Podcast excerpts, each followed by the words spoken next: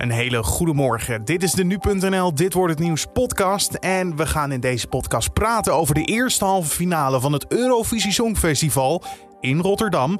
Het Russische parlement debatteert over aanhangers van Navalny en informateur Mariette Hamer gaat in gesprek met de grote politieke partijen. Dat allemaal straks, maar eerst kijken we kort naar het belangrijkste nieuws van nu. Mijn naam is Carne van der Brink en het is vandaag dinsdag 18 mei. De Amerikaanse president Biden heeft in een telefoongesprek met de Israëlische premier Netanyahu zijn steun uitgesproken voor een staakt het vuren tussen Israël en de Palestijnse gebieden. Zo'n akkoord zou met behulp van Egypte en andere landen tot stand moeten worden gebracht. Het is voor het eerst dat Biden zich zo openlijk uitspreekt voor een wapenstilstand. Alle bemiddelingspogingen hebben nog niet echt effect gehad, want premier Netanyahu herhaalde gisteren dat het Israëlische leger doorgaat met het aanvallen van terroristische doelen, zolang dat nodig is. Tegelijkertijd blijft Hamas raketten op Israël afvuren. De reis naar Griekenland was een inschattingsfout. Dat zei koningin Maxima gisteravond in haar verjaardagsinterview. In oktober vertrok het gezin naar Griekenland, naar hun vakantiehuis.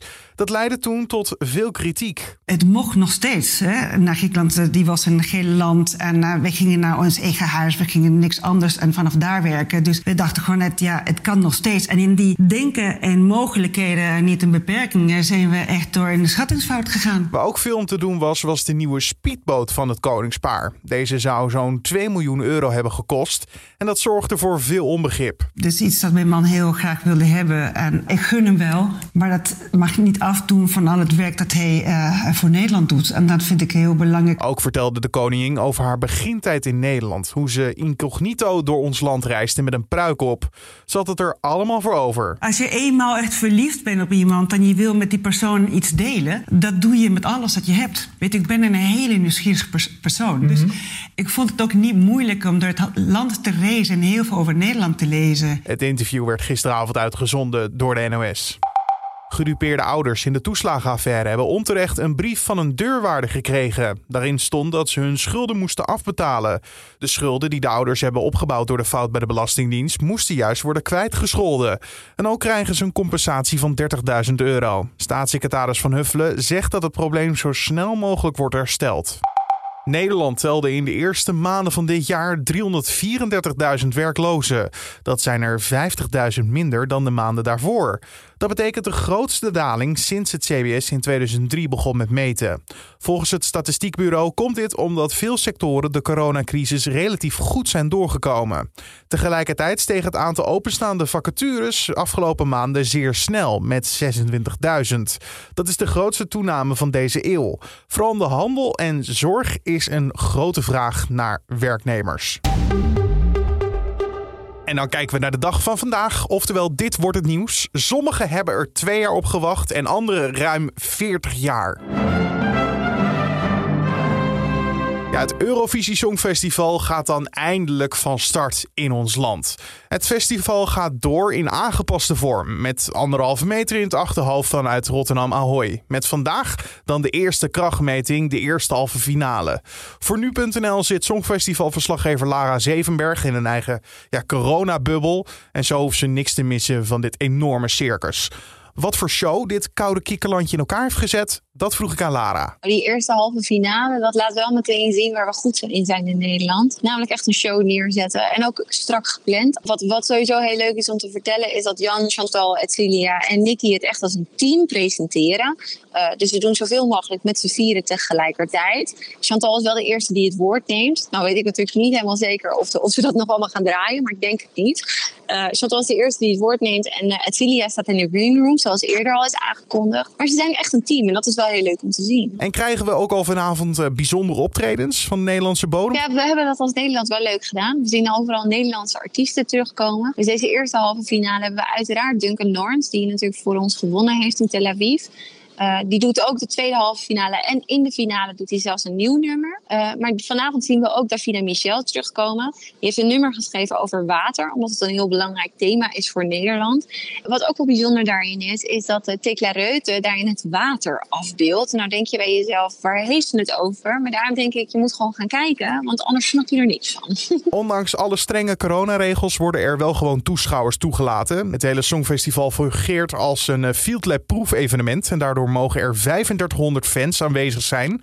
En gaat dat een groot verschil maken? Dat maakt echt een heel groot verschil in elk geval voor de mensen in, die in de zaal staan op te treden. Thuis zul je er misschien minder van merken, want op de vloer staat niemand. Uh, maar in de zaal zelf maakt het echt wel veel verschil. Ik sprak maandag de presentatoren al even en die vertelden mij van ja, dat er toch even geklapt wordt in de zaal is toch wel echt veel leuker dan als het doodstil is nadat je iets hebt aangekondigd. Voor de landen zelf maakt het natuurlijk ook heel erg verschil. Ja, je wilt toch respons uit de zaal hebben, je wil horen van wat mensen ervan vinden. En het is ook wel grappig, want je ziet bij sommige landen, bijvoorbeeld bij Ierland, dat zij er echt op voorbereid waren dat er eigenlijk geen publiek bij zou zijn.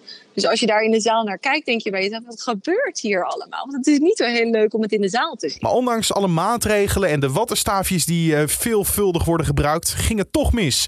Want bij Polen en IJsland was er opeens een positieve uitslag in de delegatie. Inmiddels zijn de landen opnieuw getest. Eh, ze waren negatief en daardoor kunnen ze toch live optreden. Nou kijk, het fijne is dat de organisatie is hier natuurlijk al heel erg lang mee bezig. Dus ik sprak maandag ook al even met Sietse Bakker en die vertelde mij van ja, weet je, we hebben zoveel strikte regels. We hebben het er uitgebreid over gehad waar iedereen zich aan moet houden. Maar mensen moeten zich er wel aan houden. En de klad komt er toch in als mensen dagenlang, wekenlang met elkaar optrekken. En dat zie je gebeuren. Dat is waarschijnlijk ook wat er bij Polen en IJsland is gebeurd. Maar 100% zeker weten ze dat niet. Dat zijn ze wel nog aan het uitzoeken. Maar nou ja, je merkt wel bij de deelnemende landen, bij de deelnemers zelf, dat die wel zegt: ja, ik ben toch weer extra voorzichtig. En ik ga toch maar mijn hotelkamer niet uit. Het blijft natuurlijk een wedstrijd. En vanavond strijden 16 landen om een ticket naar de finale. Maar zijn er nou echt favorieten? Nou, de eerste halve finale is echt betrekkelijk spannender dan die tweede. Dus als je zoiets hebt van ik wil toch een halve finale meepakken, dan zou ik vanavond gaan kijken. Uh, want die eerste halve finale zijn toch echt wel veel kanshebbers. En uiteindelijk mogen er maar tien door. Uh, voor wat het nu lijkt, zit er heel erg een, een, nou ja, een wisselwerking tussen onder andere Israël.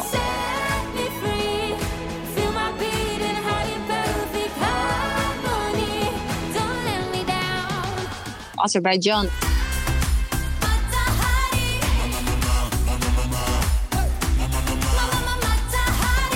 En Roemenië.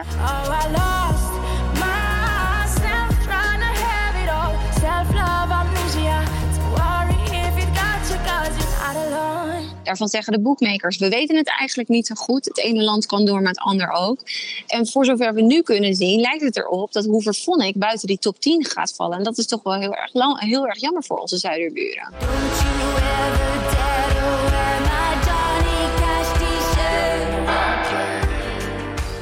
Vanavond om 9 uur begint de eerste halve finale. En deze kan je gewoon blijven volgen op nu.nl, want er is een live blog vanavond. En dan gaan we naar Rusland, want daar zal vandaag oppositieleider Navalny weer centraal staan. Het Russische parlement debatteert namelijk over een wetsvoorstel dat het onmogelijk zou maken voor aanhangers van Navalny om gekozen te worden tot volksvertegenwoordiger. De wet verbiedt leden van extremistische organisaties zich verkiesbaar te stellen. Het netwerk van regionale campagnekantoren van Navalny werd namelijk onlangs op een lijst van terroristische en extremistische organisaties gezet. Dat staat gelijk aan een verbod in Rusland. Critici zijn verbolgen over deze gang van zaken. De nieuwe informateur Mariette Hamer gaat vandaag in gesprek met de grote partijen. Zoals haar voorganger is Hamer gisteren begonnen met nieuwe gesprekken. Ook daarin trekt ze de lijn van de vorige informateur door, want ze begon met de kleinste partijen. Vandaag dus de partijen met de meeste zetels in de Tweede Kamer. De dag wordt afgetrapt door fractievoorzitter van de ChristenUnie Gertjan Zegers en Mark Rutte van de VVD zal de dag afsluiten. Hamer wil van de 18 fractieleiders weten welke plannen zij hebben voor het herstel- en transitieplan voor na de coronacrisis. De informateur verwacht snel een akkoord te hebben met de fractievoorzitters. Op 6 juni gaat ze haar eindverslag presenteren. En dan het weer van Weerplaza. Het wordt een wisselvallige dag met wolken en af en toe opklaringen met een zonnetje. Vanmiddag kans op regen en het wordt maximaal 15 graden. En om af te sluiten nog even dit. Iets heel bijzonders van Kurt Cobain is namelijk tijdens een veiling in Amerika voor ruim 14.000 dollar verkocht. Dat bedrag is namelijk betaald voor zes haren van de zanger. De onbekende nieuwe eigenaar is volgens het veilingshuis nu in het bezit van het enige haar van Kurt Cobain dat op de markt is. Een vriendin van de zanger, Tessa Osborne, gaf hem in 1989 een knipbeurt en bewaarde de haren om onbekende redenen.